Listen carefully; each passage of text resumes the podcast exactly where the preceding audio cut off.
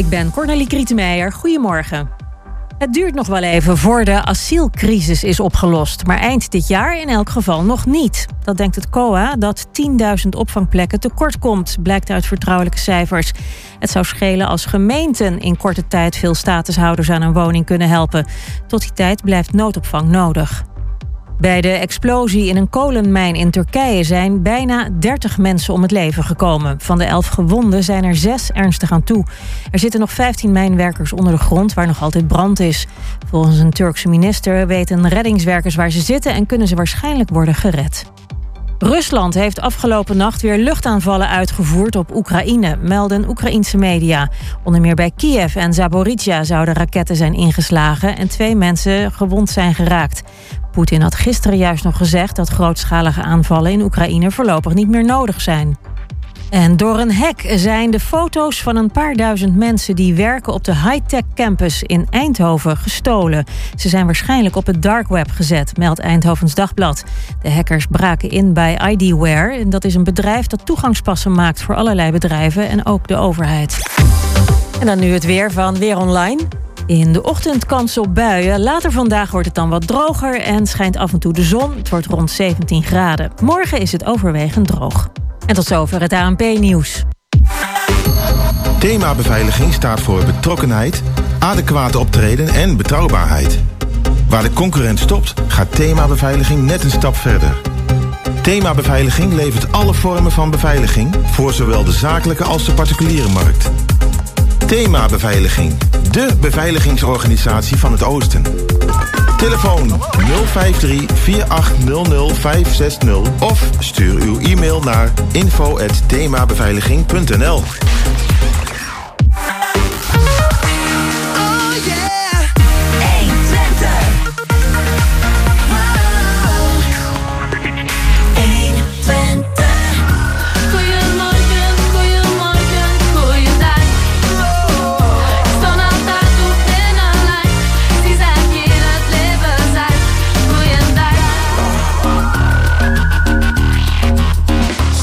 goedemorgen op um, zaterdag 15 oktober. Um, weer in de studio bij de bibliotheek aan de Beurstraat hier. Het is een beetje een druilerig weertje, maar we hadden besloten om er deze week een literaire ochtend van te maken, niet waar? Uh, want uh, we hebben om te beginnen Henny Evers, die zit al hier naast mij. Um, ja, wat gaan we het over hebben, Jos? Over dit prachtige boek. Ja, ja. Jongen van Kotten. Nou, duidelijk te herkennen, hè, die pasfoto uh, ja. in het groot. Inderdaad, en uh, ja, we gaan een beetje duiken in het verleden en het waarom van dit, uh, van dit prachtige, ongetwijfeld prachtige boek. Ik heb nog niet het genoegen gehad om het uh, te lezen, maar we gaan er met z'n drieën gaan we er zo meteen uitgebreid over praten. En dan over literair gesproken. Ja, en we schakelen dan direct over daarna naar Marco Krijnsen. Die heeft een boek in uh, klaar liggen. Die wordt eind deze maand uitgebracht, als ja. ik het goed heb. Die heet Actie en dat gaat dan vooral over de roerige jaren 50, als ik het goed begrepen heb. Ja, 50 en 60. Toen hadden we hier in Hengelo een uh, jongerencentrum Fashion. Daar durfde de politie niet over de vloer te komen.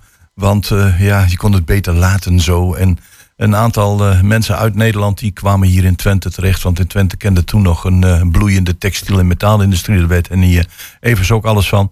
En ja, tijd dus voor reuring en actie. En dan meestal aan de linkerkant van het spectrum. ja, daar praten we straks over met Marco Krijnsen. En dan hebben we natuurlijk ook de agenda van de bibliotheek. En daarvoor bellen we deze keer aan het eind van dit uur Astrid van Dam.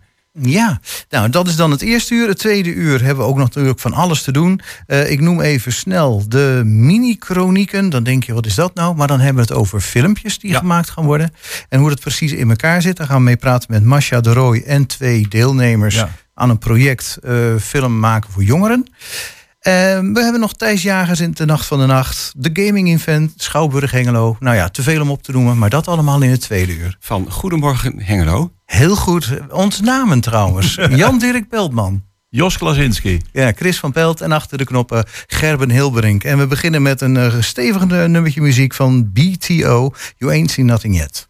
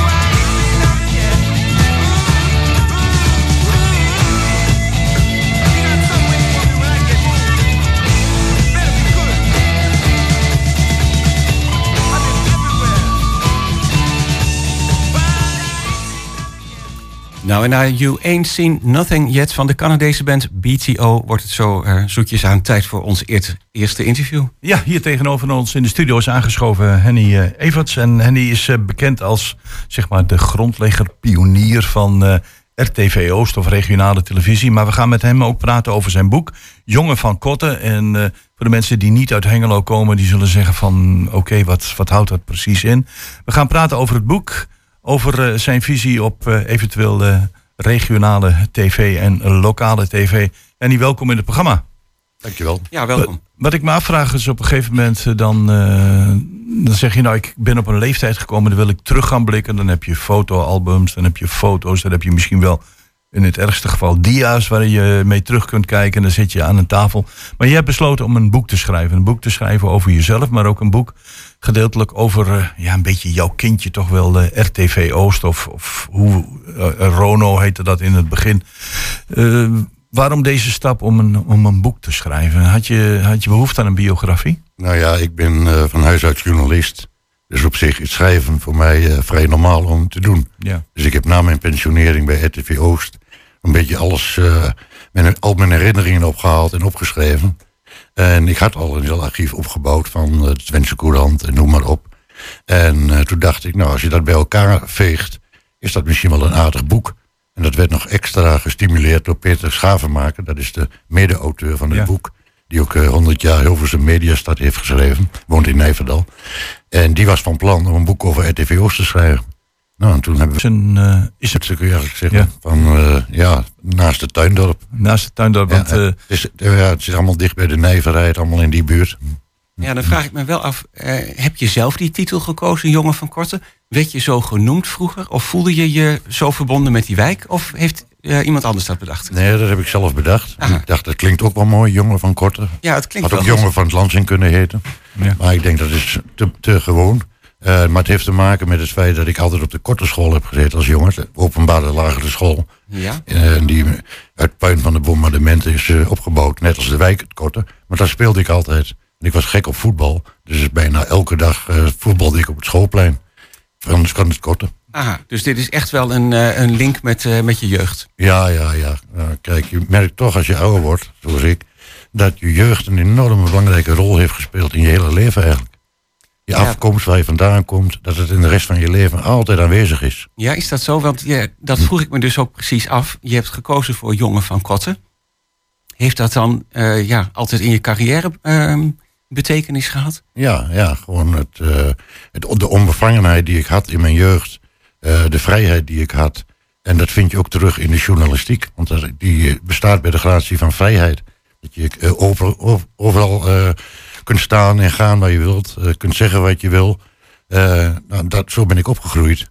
En dan denk je achteraf, ja, het journalistieke zat er dan eigenlijk al in. Zonder dat je het door had. Ja. Want ik was Ah, gek ja. op voetbal alleen. En ik had nog niks met journalistiek. Het was voetbal, buitenspelen neem ik aan. Ja, ja. De wijk een beetje doortrekken. Ja, ja, ja tegen blikjes aanschoppen. Uh, ja, gekke dingen doen. Uh, boompje klimmen. Ja, de mensen van mijn leeftijd weten dat je in die tijd overal terecht kon. Je kon overal spelen, overal voetballen. Er waren geen auto's op de weg, noem maar op. En dat was hartstikke eh, mooi. Voor het donker thuis was, was het goed, bij wijze van spreken. Zoiets was het, ja. Ja, en ja, eh, ja, ja. Touwtje door de brievenbustijd, hè? ja, ja, ja. Heel, eh, heel belangrijk. Criminelen bestonden niet, hè? Nee. Nee. En, en geeft dat boek ook een, een beetje inzicht eh, over hoe jij bent opgegroeid eh, in, in de wijk Tuindorp in dit geval.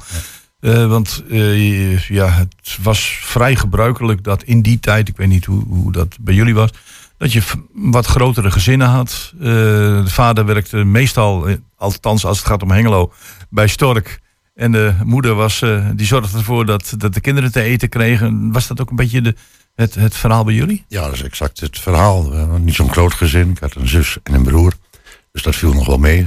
De katholieken waren uh, ruimer bedeeld. Maar zeven, acht kinderen was Ja. vrij normaal. Ja, ja. Want de pastoor kwam nog wel eens langs, dacht Ja, ik. ja, ja. Maar dat was bij ons niet zo, want mijn moeder was anti-katholiek, anti-rooms. Die had daar niets mee. ja. Dus wat dat betreft eh, waren wij toch wel een wat eh, bijzonder gezin. In, want we, alle andere mensen, de buren en zo, die waren wel met eh, grote gezinnen. ja. Wij niet. En En, eh, maar het was wel intiem. En, eh, ja, en ik had er niet zoveel meer van doen, want ik was bijna altijd op straat. Dus eh, ik was bij- weinig thuis. Ja, precies. Dus het, toch, ja, dat vrije gevoel wel, een beetje onafhankelijk. Ja. En Ja. was het dan ook wel gebruikelijk om journalistiek te gaan studeren? Of heb je iets anders ge- gestudeerd? Nee. Of ben je self-made man? Absoluut. Ik ben autodidact, zeg maar, eh, self-made man. Ja. Want ik kwam toevallig dan, omdat ik in dienst moest, moest ik eh, eh, werk zoeken. Voor, en toen werd ik overal afgewezen. Behalve bij de VARA in Hilversum. Die zeiden, nou ja, in diensttijd betalen we je gewoon door. Nou, dat was toch wel heel sociaal, vond Oké. ik. eh. en het, maar het had een administratieve functie, functie. Want ik heb nooit de school voor de journalistiek gedaan of wat ook. Maar wat wel gebeurde was dat ik zat bij de VARA. Nou, dan zit je toch dicht bij het vuur eigenlijk. hè? En toen kwam ik in contact met allerlei corriveeën. Van Sonja Barend en dergelijke. En Doris, als iemand dat nog wat zegt. Ja hoor. Joop Smits was toen een bekende omroeper. Eh, Ralf Ingbar, noem maar op. Alle grootheden. Herman Wigbold was een hele bekende journalist van eh, Achter het Nieuws. Die kwam ik allemaal tegen in de kantine. En toen ben ik in contact gekomen met een eh, journalist van de Gooi Nederlander. Waar ik toen ja, samen een jongerencentrum mee runde. En ik zei, ik kan die mensen wel interviewen. Leuk voor je krant. Nou, hij zegt, probeer het maar. Maar als niks is, dan eh, zeg ik het ook. Dan, eh, dan doen we het niet. Oké. En de eerste interview was met eh, Wim de Wie. Wauw. Dan, was toen de cliché-mannetjes heette dat. Meteen een Oh, bekende naam te pakken. Geen gezeik, allemaal rijk. Ja. Ja. Ja. Ja, Ja, en die, ik, ik ging er gewoon bij zitten. Ik zeg, ik mag ik je interviewen voor de Gooi Nederland? Nou, je doet maar, zei hij. Zo ging het. Nou, en En, toen had ik het eerste interview en dat werd ongecorrigeerd geplaatst. In de Gooi Nederlander. Gewoon zoals je hem eh, uitgeschreven had, zo kwam die erin. Ja, later. Kees van Koten, dat is de tweede. Dus Was dat een beetje een keerpunt? eh, in, in, dat dacht ik, ja. ja. Ja. maar daarna was het nog een hele lange weg voordat ik journalistiek eh, kon bedrijven. Nee, maar goed, je, op een gegeven moment dan wordt dat goed ontvangen. En je schrijft een verhaal over eh, Wim de Bie, Kees van Koten en nog een heleboel andere verhalen. Dat wordt goed ontvangen en dan denk je van, hé, hey, dit zou wel eens een richting voor mij kunnen zijn. De straatvoetballer uit Hengelo. Ja, ja, zo was het ook. Want eh, toen had ik door van, eh, dat is wel mooi als je journalist kunt worden. Ja. Zou ik mijn vader ook mee eh, tevreden stellen, denk ik. Want die werkte 40 jaar bij Stork. Altijd in overal. En Ja. die zei altijd tegen mij, zoals hij geen overal aan krijgt. Want dan sta je tussen vier muren en je verdient niks. Ja, Dus je moet wat anders gaan doen. ja. Ah ja. Dus dat is gelukt. En zo ben je dus eigenlijk via de artikelen voor de Gooi en Eemlander... en misschien nog een aantal tussenstappen bij de Twentse krant terechtgekomen.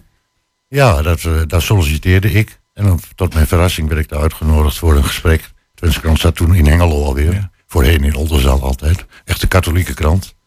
En ik was helemaal niet katholiek. Dat Nee. was al een probleem voor de chef die bij het sollicitatiegesprek zat. Moeten we wel een niet-katholiek aannemen. Hm, Maar naast mij zat Tom van Dalen. Tom van Dalen was chef sport. Later eh, heeft hij veel gedaan voor FC Twente en zo. En die zei, ja, maar ik zoek geen eh, katholiek of een christen. Ik zoek een goede sportjournalist. En eh, wij nemen hem gewoon aan. En toen, daar is het begonnen. Zo gezegd, zo gedaan. En toen kwam je dus bij de, bij de Twentse Courant. En van daaruit de stap naar eh, ra- re- regionale radio was het denk ik toen nog in het begin. Want ik wou zeggen RTV Oost, maar dat bestond toen nog niet. Nee, nee, dat bestond nog niet. En bovendien, ik heb 15 jaar bij de Twentse Courant gewerkt. Met veel plezier. Oké, ja, Met name als sportjournalist, maar ook als eh, sociaal-economisch redacteur. De hele neergang van het textiel en metaal eh, beschreven. En dat eh, staat ook al in het boek. Ehm, maar op een bepaald moment was ik kandidaat hoofdredacteur bij de Twentse Courant. Maar nog een lang verhaal kort te maken. Dat ging niet door, omdat ik eigenlijk niet katholiek was. En ook te links, denk ik, voor de Raad van Commissarissen van die tijd. En eh, dat het, eh, de voorzitter van de Raad van Commissarissen was Te Beek. was de directeur van Bolletje in Almelo. Een eh, streng katholiek man. Nou ja, dat liep helemaal niet goed. En toen heb ik ontslag genomen. En nou, dezelfde dag werd ik nog gebeld door Marine Sportman. Dat was hoofd van de Radio Oost toen. Hier in de Oh, ja. Beurstraat. Ja. Vlakbij bij jullie nu in de Ja, zitten. ja, ja. In die villa. En eh, die zei, nou, ik heb dat allemaal meegekregen. Morgen kun je bij ons beginnen. Ik zoek een eindredacteur nieuws. Want Radio Oost, hier praten we over midden jaren tachtig ongeveer. 1985. Ja. In, in januari 85 ben ik bij Radio Oost begonnen. Ja, hier in eh, wat vroeger Hotel Daters was. Ja, Dat eh, is ja. op een steenworp afstand hier vandaan. Ja. Maar ik, ik vraag me dus af, je, je- je bent bezig met de schrijvende pers... en dan kom je in één keer in aanraking met de radio. is een heel ander fenomeen. Ehm, was dat een, een, een, ja, een, een hele cultuuromslag voor jou? Zeg je van, nou, ik ben eindredacteur en, en ik weet waar ik het over heb. Nee, nee, ik moest helemaal opnieuw een vak leren. Het is totaal anders dan de schrijvende journalistiek. Ja. En eh, gelukkig had ik eh, heel veel vakmensen om me heen die mij instrueerden. Maar ik was zelf een beetje op afstand, want ik dacht, ik ben beter als eindredacteur en controlerende journalist dan als presentator. Uh, en daar zijn anderen veel beter in dan ik. Ja. En dat heb ik eigenlijk op mijn hele carrière gedaan. Hè? Want je hebt natuurlijk enorm veel tekortkomingen. Maar je moet altijd zorgen dat je uh, vakmensen om je heen verzamelt. Ja. En, en die beter zijn dan jij. Ja, goed. Dat als, is de kunst. Als je, als je er een beetje sturing aan weet te geven, is natuurlijk uh, ideaal. Ja, nou, journalistiek uh, accepteren is ook mijn oordeel wel. Ja. Dat was geen probleem. Maar het, het, moet aan de andere kant ook geweldig zijn om als, wat je dan in het begin zegt, self-made man of autodidact, uh, op dat niveau fantastisch te kunnen presteren. Ook of je nou links of rechtse ideeën hebt, dat lijkt, dat lijkt me geweldig. Ja, ja nou, ik uh, heb me in die fase bij Radio Oost ook nooit met politiek bezig gehouden. Gewoon met waar moeten we naartoe met deze regionale omroep, Radio Oost. Want het was vrij klein en ik dacht, om, om verder te kunnen bestaan de komende 10, 20 jaar, moet je toch al uitbreiden. Zeker je zendtijd. Dat hebben we toen ook gedaan. Dat was van anderhalf uur naar twaalf uur. Dat werd uiteindelijk 24 uur. En wij werden uh, marktleider in Overijssel. Dat was best beluisterd radiostation boven alle Hilversumse zenders. We hadden zo'n 200 tot 300.000 luisteraars per dag. En dat was gigantisch. Toen ja, dat ik, is heel erg veel. Ja. Wat ik me trouwens nog wel afvroeg, was het in die tijd, je noemde net Overijssel, dat is vanaf het begin wel op heel Overijssel gericht geweest? Nou, helemaal in het begin was het Overijssel en Gelderland. Radio Oh, ja. Oost. Dat werd toen gesplitst in Ja. Overijssel en Gelderland. Ah ja, oké. En uiteindelijk was Radio Oost alleen voor Overijssel. Ja. En dat hebben we verder uitgebouwd. En eh, toen dacht ik, we hebben eh, een paar honderdduizend luisteraars. Dat zijn, zijn ook kijkers. En Ja, dat zijn waarom ze maken we geen regionale televisie? Hm. Nou, dat was, je werd voor idioot verklaard natuurlijk. Want dat was, eh, zeker in het gebied hier als Twente, ongehoord. Televisie maken, dat, dat kunnen jullie niet. Dat, kan alleen Hilversum en Amsterdam. Maar daar moet je hier niet aan beginnen. Dat wordt niet wat. En, en was je toen eigenwijs en tegendraads genoeg om te zeggen van, daar geloof ik niet in, ik maak er wat van? Ja, natuurlijk. Want ik, wat ik net zei, ik, ik wist dat er een publiek voor was. En dat wij eh, zo in Twente en in Overijssel in eh, Hilversum nauwelijks aan bod kwamen. Je had, van, je had van gewest tot gewest. Daar Ja. kwam je af en toe een keertje in. Het was het dan. Ja. En voor de rest... Als een soort eh, werd- curiositeit. eh, ja, nog wel een beetje zo. hoor. Het is, het is in deze tijd eh, zie je ook maar heel weinig uit Overijssel op de landelijke tv. En, en als, je, als je dan eh, zegt van oké, ik, ik, ik heb een idee. En dat idee eh, is groeien, tv maken, RTV Oosten op de poten zetten. Dat, eh, dat is gelukt. Op een gegeven moment, eh, ik, ik, ik heb ergens nog gelezen dat de eerste uitzending ging via Belgische kanalen, geloof ik. Hè? Via BRT 2. Ja, maar dat, dat, eh, ja, dat Ja, is een hele bizarre tijd. Ja. Ja. Maar goed, het is in ieder geval eh, gelukt om, om RTV Oost eh, van de grond te krijgen. Heel veel eh, kijkers, want eh, daar ging het om. Want er, er was behalve eh, behoefte aan de regionale muziek, was er natuurlijk ook heel veel behoefte aan de regionaal nieuws. Anders had je het niet van de grond gekregen. Ja, klopt. Nieuws staat altijd eh, nummer één. Ook, Ja. bij, ook bij Radio Oost. En eh, dat zal bij jullie ook zo zijn Ja, ja. dat nieuws belangrijk is. Want daarvoor stemmen de mensen eigenlijk op de zender af. Maar je moet eh, de verstrooiing niet vergeten. Mensen willen niet alleen maar nieuws horen. En zeker in deze barre tijden helemaal eh, niet meer. Dan wil men toch ook wel een beetje vermaakt worden. Geamuseerd worden. En, eh, en dan moet je het Radio Oost en TV Oost eh, aan voldoen. En dat heeft TV Oost toch ook wel een tijd lang eh, hoog in het vaandel gehad, volgens mij. Hè? Met eh, nou ja, muziekevenementen die ze organiseerden. Of eh, de regiotap. En, en ik noem maar een paar dingen. eh, bekende series. Ja, nou ja, de Tour de Overijssel hadden we. Gingen we de boeren op met artiesten eh, naar alle plaatsen in Overijssel zo'n beetje. En alle landelijke artiesten kwamen daar. De regiotap noem je al, van Willy Oosterhuis. Nou ja, dat was een apart figuur natuurlijk, maar die deed het ook hartstikke goed. Dat was een muziekprogramma Ja, ja. Waar hij af en toe de draak stak met allerlei eh, artiesten. Eh, wat ook wel heel eh, belangrijk was, eh Harmoed Riesen op de radio. Oh, ja. Dat is Oh, een ja. zeer populair eh, man. Met in zijn eh, streektaal altijd eh, ja, plaatjes aan elkaar praten. En humor had die een beetje leek op wat Vinkers ook wel heeft. Ja, volgens mij heeft hij heel lang ook op de zaterdagochtend of zondagochtend. Ik denk de zaterdagochtend een programma gehad. Harm, Harms Farm heette Harms dat. Farm. Ja, Ja. Ja, was zeer populair. En dan, en dan eh, komt op een gegeven moment of het idee van... we zitten in een prachtige streek, we hebben een, een hele mooie taal... dus we gaan een serie opzetten, Jongelen Oorlog Grond. En ja, ik was zelf helemaal onder de indruk... omdat ik je hoort de Twentse taal, je ziet de Twentse gebruik, je ziet de Twentse mensen. Eh, wat heeft dat teweeggebracht ook bij jou? Ja, dat was eh, onverwacht. Dat was niet te geloven. De Volkskrant die schreef op een bepaald moment is Hollywood aan de dinkel.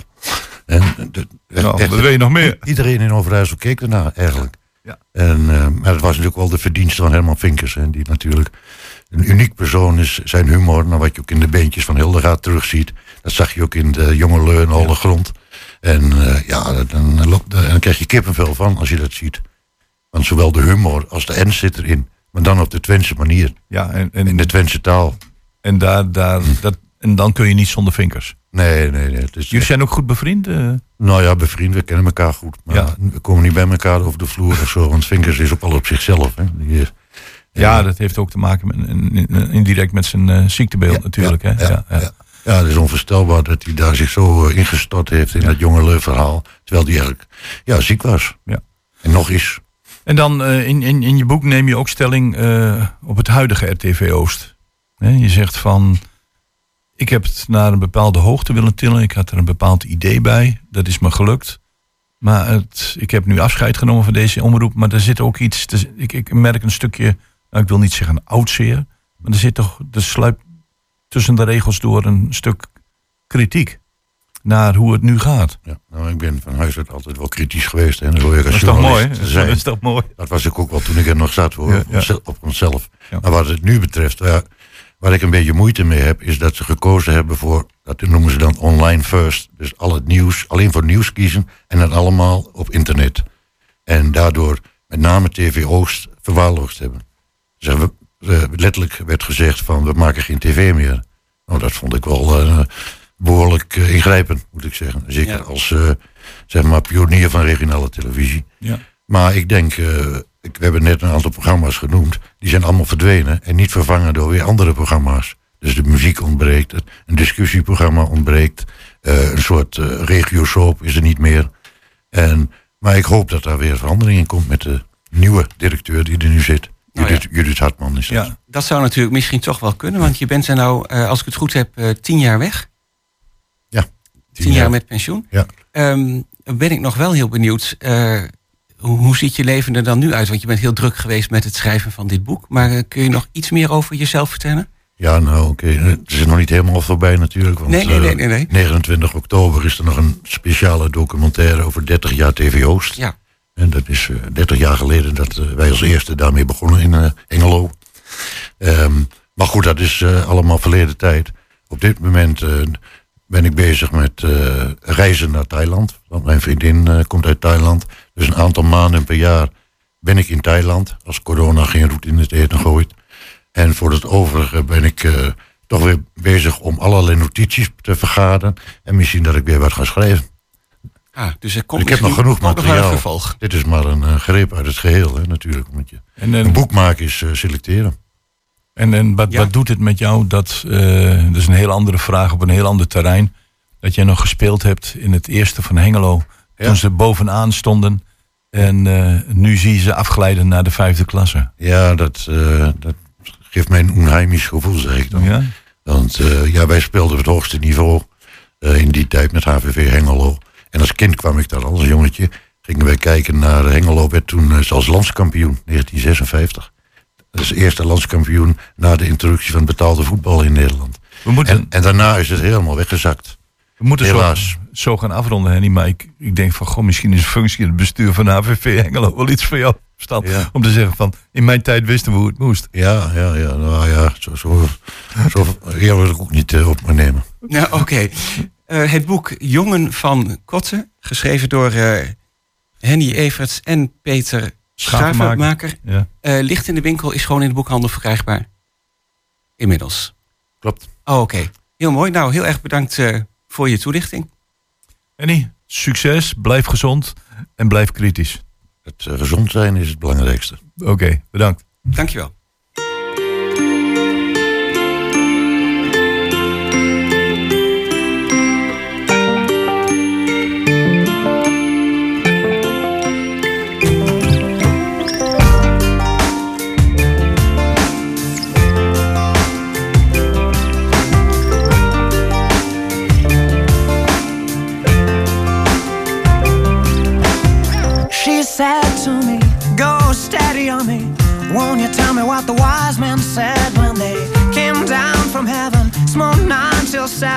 All the stuff that they could find. But they couldn't escape from you, couldn't be free of you. And now they know there's no way out. And they're really sorry now for what they've done. There were three wise men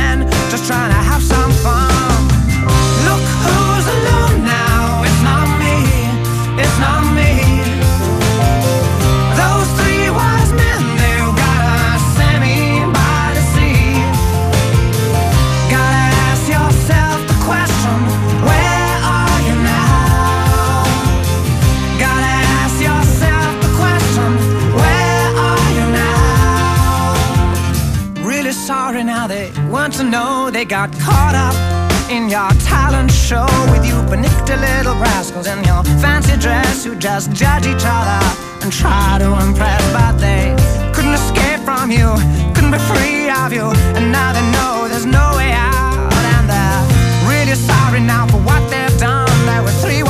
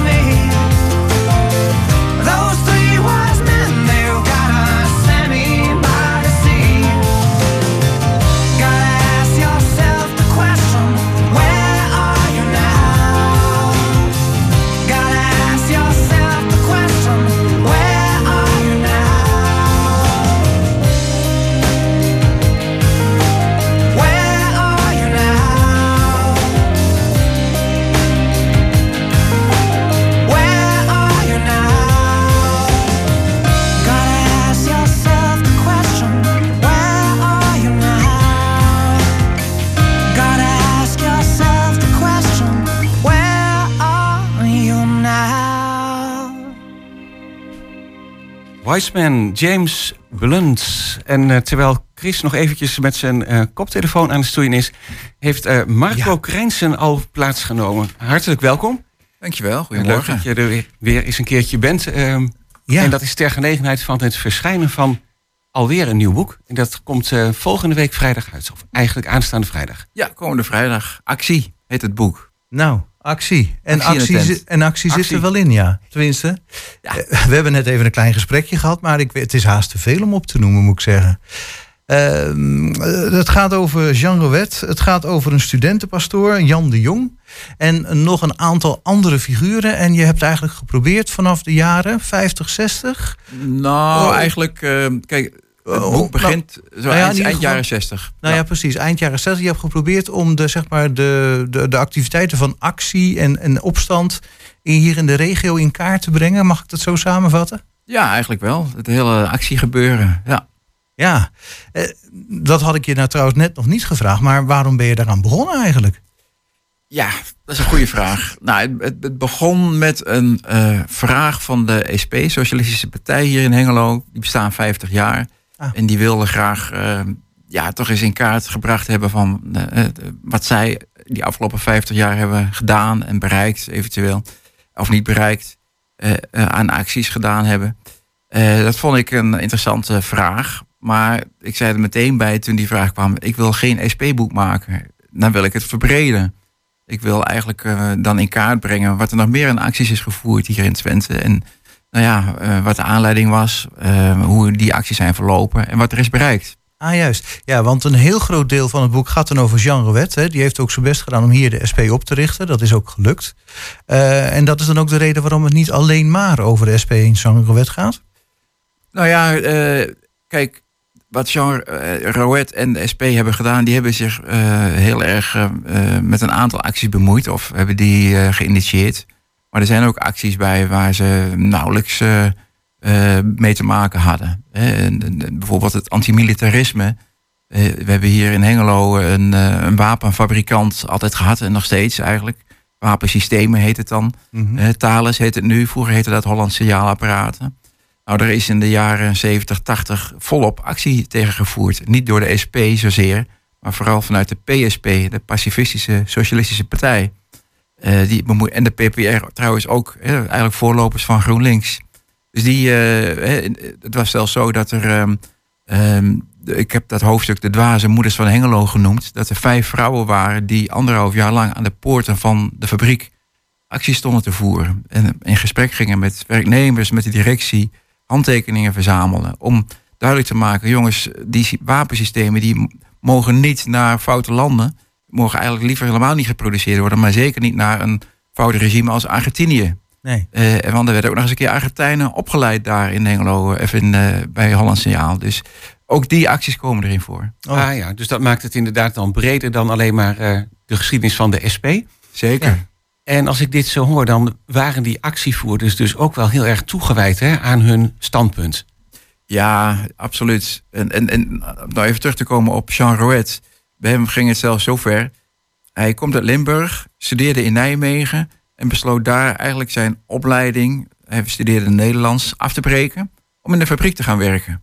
Want in de fabriek, daar kwam je in gesprek met de gewone man en daar kon je horen wat de problemen waren. En daarmee kon je dus in actie komen. En hij is dus ehm, vervolgens naar Twente verhuisd om die strijd tegen het kapitalisme, want dat is het een beetje eigenlijk, tegen de uitwassen van het kapitalisme, uitbuiting en slechte woonomstandigheden, om die strijd hier in Twente aan te gaan. Eh, maar was het dan eind jaren 60, in 70 had Hengelo dan al zo'n naam dat we hier in een kapitalistische stad waren?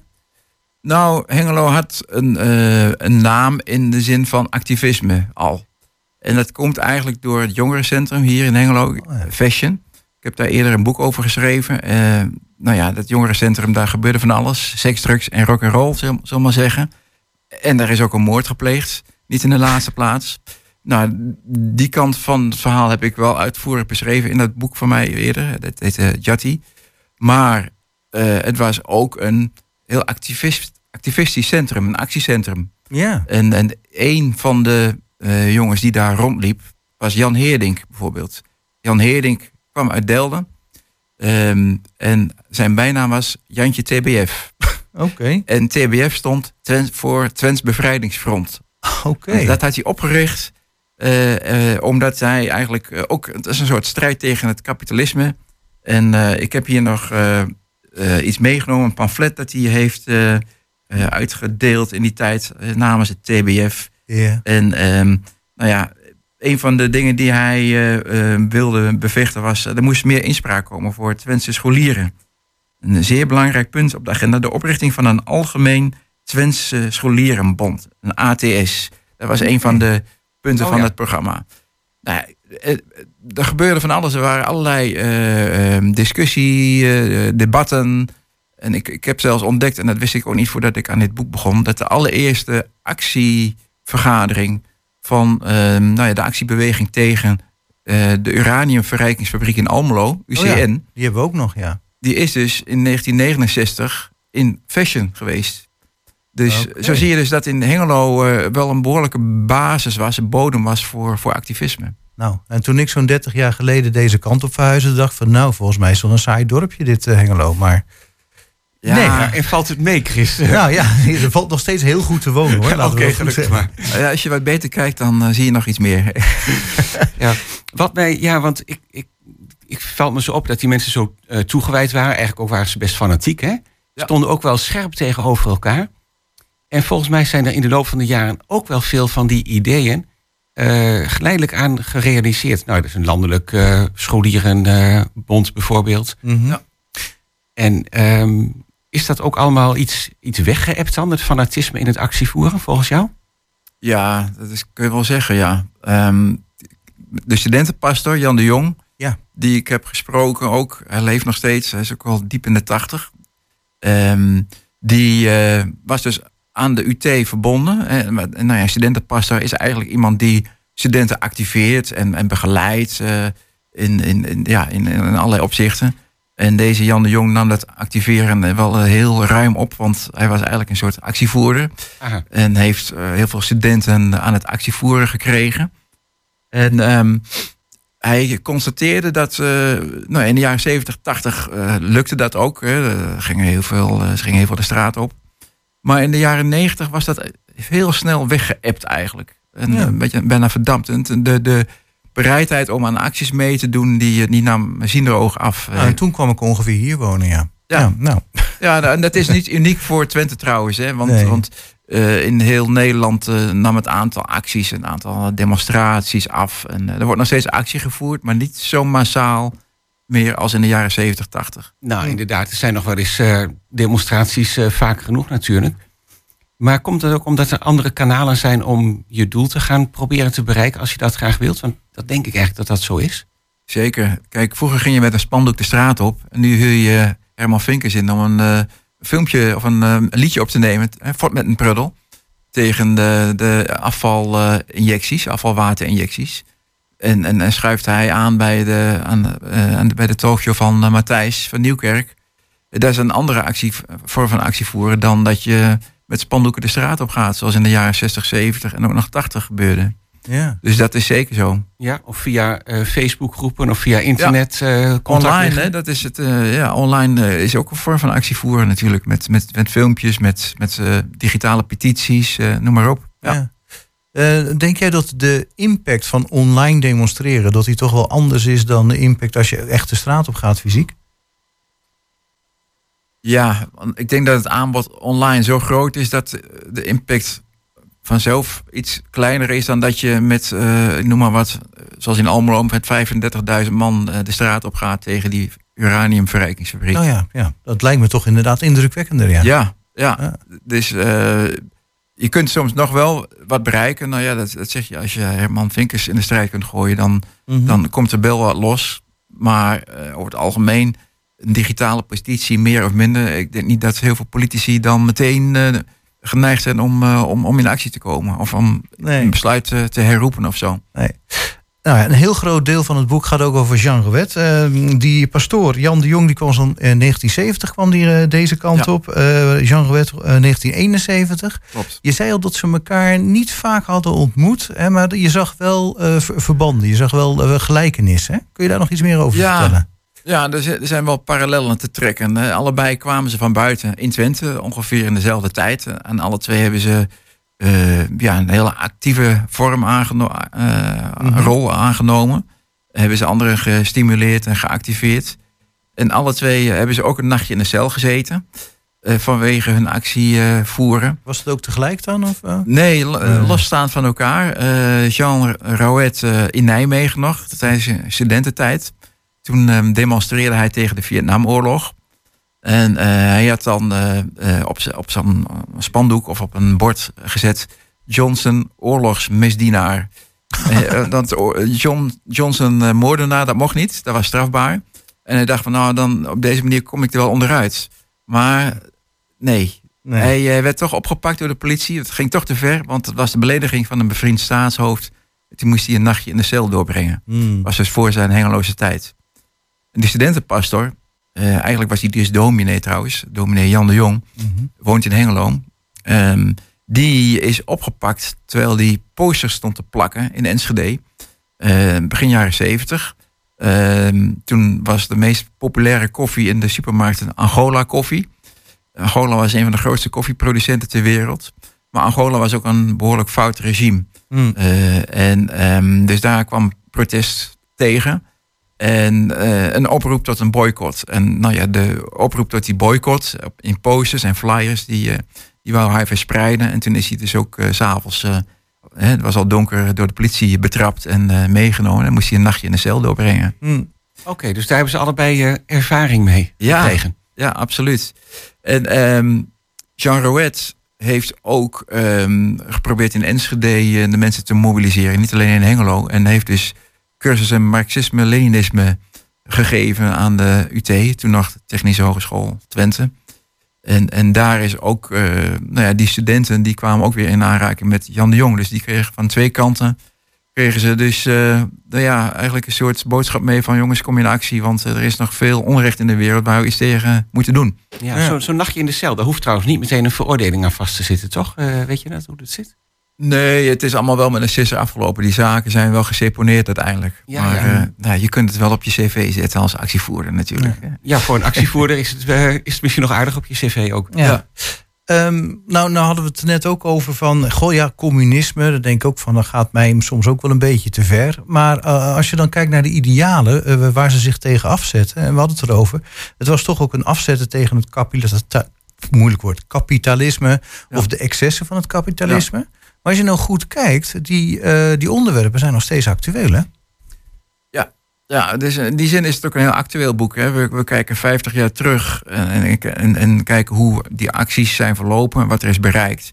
En dan zie je dat, eh, ja, dat er niet altijd zo heel veel eh, is bereikt. Soms wel, soms ook niet. Eh, Het asbestdossier is dus één hoofdstuk in het, eh, in het Ja, boek. e- eten niet. eh, ja, Eten Niet is natuurlijk eh, een Twents bedrijf. de Eh, wegen die verhard zijn met eh, asbest. Ja, Mhm. precies. Ja, er is toch wel volgens mij ontzettend veel gedaan om ook eh, asbest te ruimen. Er is eh, heel veel bereikt. Hè. De- een van de eerste acties was in 1973 in Borne, eh, waar eh, het asbestafval van Etherniet eh was gedumpt. En eh, ja, dat was, eh, daar zijn handtekeningenacties tegen verzameld. Nou ja, er is van alles op gang gekomen. Heeft uiteindelijk geleid tot een verbod eh, tegen asbest. En ehm, eh, uiteindelijk ook tegen, is daar bereikt dat smartengeld is uitgekeerd aan nabestaanden van mensen die zijn omgekomen. Mhm. Maar wat in die strijd heel erg opviel was dat eten niet heel lang de hand boven het hoofd werd gehouden door de overheid, en door de gemeente Goor bijvoorbeeld, door, eh, door de vakbonden zelfs, Eh, omdat daar omdat eten niet een werkgever was. Heel veel gezinnen waren daarvan ja, afhankelijk. natuurlijk. Ja. Ja. Ja. Dat Maar goed, speelt eh, natuurlijk wel mee dan. Ja, maar Ja. goed, eh, als je dat nu bekijkt. eh, sommige zaken van eten niet lopen nu nog, hè, 50 jaar later. Wou ik ook nog even genoemd hebben. Ja. Eh, maar je kan ook makkelijk een parallel trekken met Groningen. Aardgas wordt veel verdiend. Eh, ja, het de kabinet heeft er natuurlijk belang bij. Hè, leuke inkomsten. Eh, een vergelijkbaar verhaal. Nee, zo is het. Eh, en, en dat zie je dus ook bij Tata Steel. Eh, ook een vervuiler eh, eerste klas in, in Noord-Holland. Iedereen weet dat het vervuilt. Iedereen weet wat de gevolgen van zijn voor de volksgezondheid. En toch mag het bedrijf zijn gang gaan. En, en, en omdat het een werkgever is, omdat het een economische speler is. En nou ja, dat is, in die zin is daar een parallel te trekken met, met eten niet. En het zal vroeg of laat wel een keer veranderen, denk ik daar. Ja. Maar ja, dat is wel een, een voortdurende strijd van hè, eh, gezondheid versus economisch belang. Ja. Ja, precies. En dat speelde natuurlijk eh, in die tijd eh, bij heel veel van die acties ook al.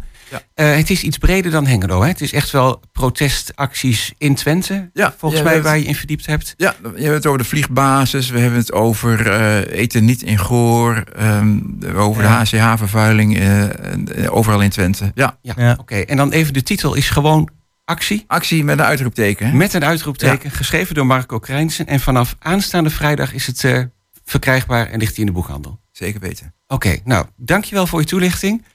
En Ja. ehm, tot een volgende keer. Graag gedaan. Ze woont in een. Hey, wow. Ik zit brak bij mijn ouders. Zondagmiddag, je kent het wel. Ze zijn hier huis aan het bouwen. Vroeger was er nog een voetbalveld. Ik pak de tram naar het centrum. En zie een meisje te mooi voor hier. Dus ik start een gesprekje. Waar de tijd van vliegt 22 jaar en ze woont in de buurt En ze wil naar de stad, maar die stap is te duur Oh, wat heb ik nog gedaan? Shit, ik heb haar nummer niet gevraagd Sukkel Maar ze woont in de nieuwbouwwijk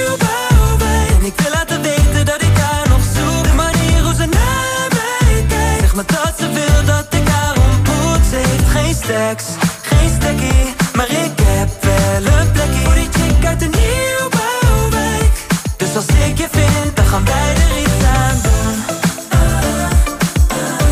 Je mag bij mij over de vloer. Als je begrijpt wat ik bedoel. Ik heb overal aangebeld. En ik heb me netjes voorgesteld. Misschien kennen de buren je wel Ik heb ze alles wat je zei verteld. Ja, ze is 22 jaar en ze woont in de buurt En ze wil naar de stad, maar die stap is te duur. Oh, wat heb ik nog gedaan?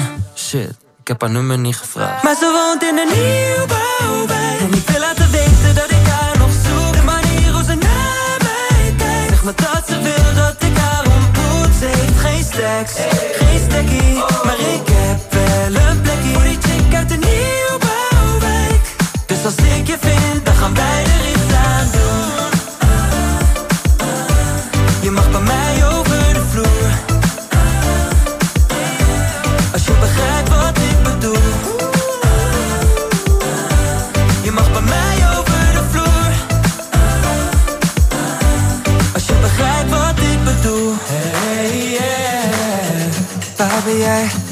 je nog?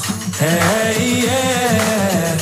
Eén adres, geef niet op. Hey yeah. Waar ben jij? Zoek je nog? Hey yeah. Eén adres, geef niet op. Maar ze woont in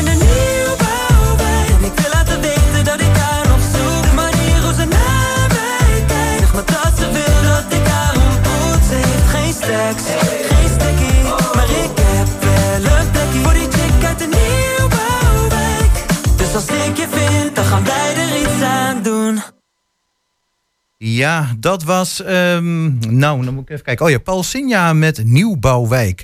En dan gaan we naar de bibliotheek Hengelo. Astrid van Dam. Wij overvallen je een beetje, hoorde ik. Ja, dat klopt. Goedemorgen. Ja, je stond gewoon op de lijst hoor in het rooster. Maar we hadden je niet van tevoren gewaarschuwd, dat is waar. Nee, dat klopt. Maar goed. Goedemorgen. Goedemorgen, ben je wakker? Ik ben hartstikke wakker. Oké, dan willen we het graag hebben over het programma van de bibliotheek. Ehm, ja, wat is er de komende week in de bibliotheek te doen? Of in de omgeving van de bieb?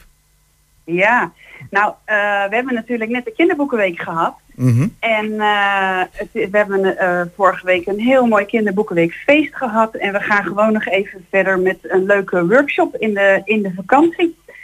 Dus we hebben volgende week, eh, of eh, eh, morgen, zondag, is er nog een, een workshop Giga Groen voor kinderen in de bibliotheek. Een workshop Giga Groen. En ik zie ook nog iets met ga aan de slag met Giga Gave Techniekkits. Ja, precies. En die, eh ehm, die techniekkits, die, daarvoor kun je naar de bibliotheek, daar kun je mee werken. Ehm, en je kunt ze meenemen naar huis. Eh, ja, je kunt er op alle mogelijke manieren kennis mee maken. Dus eh, kom naar de bibliotheek. Ja, ik vond dat vroeger, en ik vind het eigenlijk nog steeds wel leuk, gewoon lekker knutselen met een bepaald dingetje. En als er dan ook nog iets met techniek in zit, hartstikke leuk. Ja. Ja, En wel frustrerend als het niet werkt, maar goed, dan moet je maar even doorwerken, net zolang tot het wel werkt. Hè? precies, precies. En we hebben ook nog voor de jeugd een hele mooie eh, filmprojectdag. Dat is eh, volgende week zaterdag. Dus daar kunnen we alvast een beetje reclame voor maken. Oh ja, de filmprojectdag, 22 oktober. Ja, precies. Oh, daar mag je al iets meer over vertellen alvast, want het begint morgen, volgende week al om 10 uur. Ja, dan eh, tegen de tijd Ja. dat jij het aankondigt, dan is het al begonnen. Precies. Ehm, nou, je gaat eh, aan de slag met eh, het maken van een film. Dus eh, je, gaat eerst kennis maken met alle deelnemers en dan krijg je een uitleg over het verhaal wat je gaat verfilmen. Dan wordt de groep opgesplitst. Je krijgt allemaal een verschillende rol. En in de workshop ga je aan de slag met jouw rol voor het filmen of regisseren van, van de film. En ja, na de pauze ehm, worden er ook nog eh, stop-motion filmpjes ehm, Oh ja. gemaakt. Mhm. En het uiteindelijke eindproject wordt op eh, 5 november vertoond in eh, de Schouwburg. Ik wou net zeggen, want die film is natuurlijk niet dezelfde middag klaar. Dat, dat is haast onmogelijk, hè? Ja, precies. Dus het wordt wel, eh, uiteindelijk gaan professionals het verder eh, afmonteren met geluid en special effects. En dan eh, wordt op 5 november het eindproduct vertoond in een Poppet Filmfestival. Is er dan inderdaad nog een eh, connectie met de mini-chronieken? Van Masha de Roy? Dat, dat is toevallig namelijk ook op 5 november. Ik kondig het vast aan. Dan gaan we straks naar 11 gaan Ja. de Masha de Roy daar nog over hebben. Ja, doe dat maar. dan doen we dat wel. Maar hartstikke leuk. Nou, dat dan inderdaad over de filmprojectdag en eh, de gigagave techniekkits. En het gigagroen. Het eh, nog even een... ja, eh, de, de laatste dagen van de kinderboekenweek. Precies. En eh, wat kunnen we nog meer verwachten? Nou, eigenlijk zijn dat de belangrijkste dingen. We hebben nog wel een speciale walk and talk netwerkbijeenkomst Ehm, dat is eh, de 20ste, dus dat is dan donderdag. Ja, en die gaat over een leven lang leren. Dus hè, Walk and Talk heeft altijd themabijeenkomsten en deze keer gaat het over leven lang leren. Eh, ja, voor ehm, het- zoeken van een baan met meer uitdaging. En eh, als je echt wil nadenken over wat, wat wil je, waar wil jij jouw talenten echt voor gaan inzetten. mhm. Dus dat is een eh, speciale thema.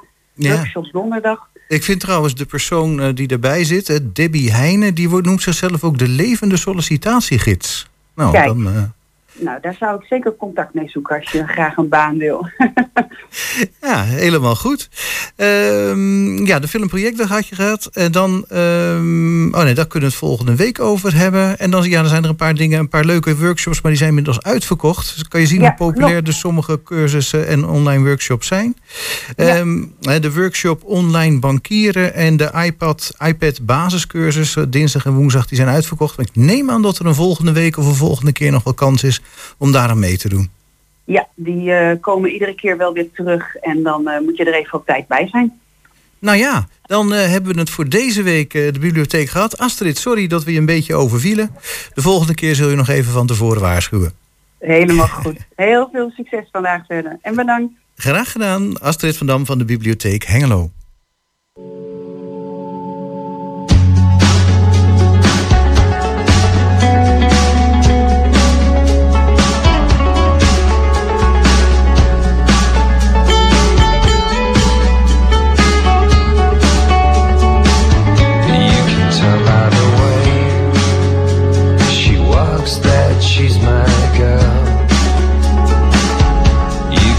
By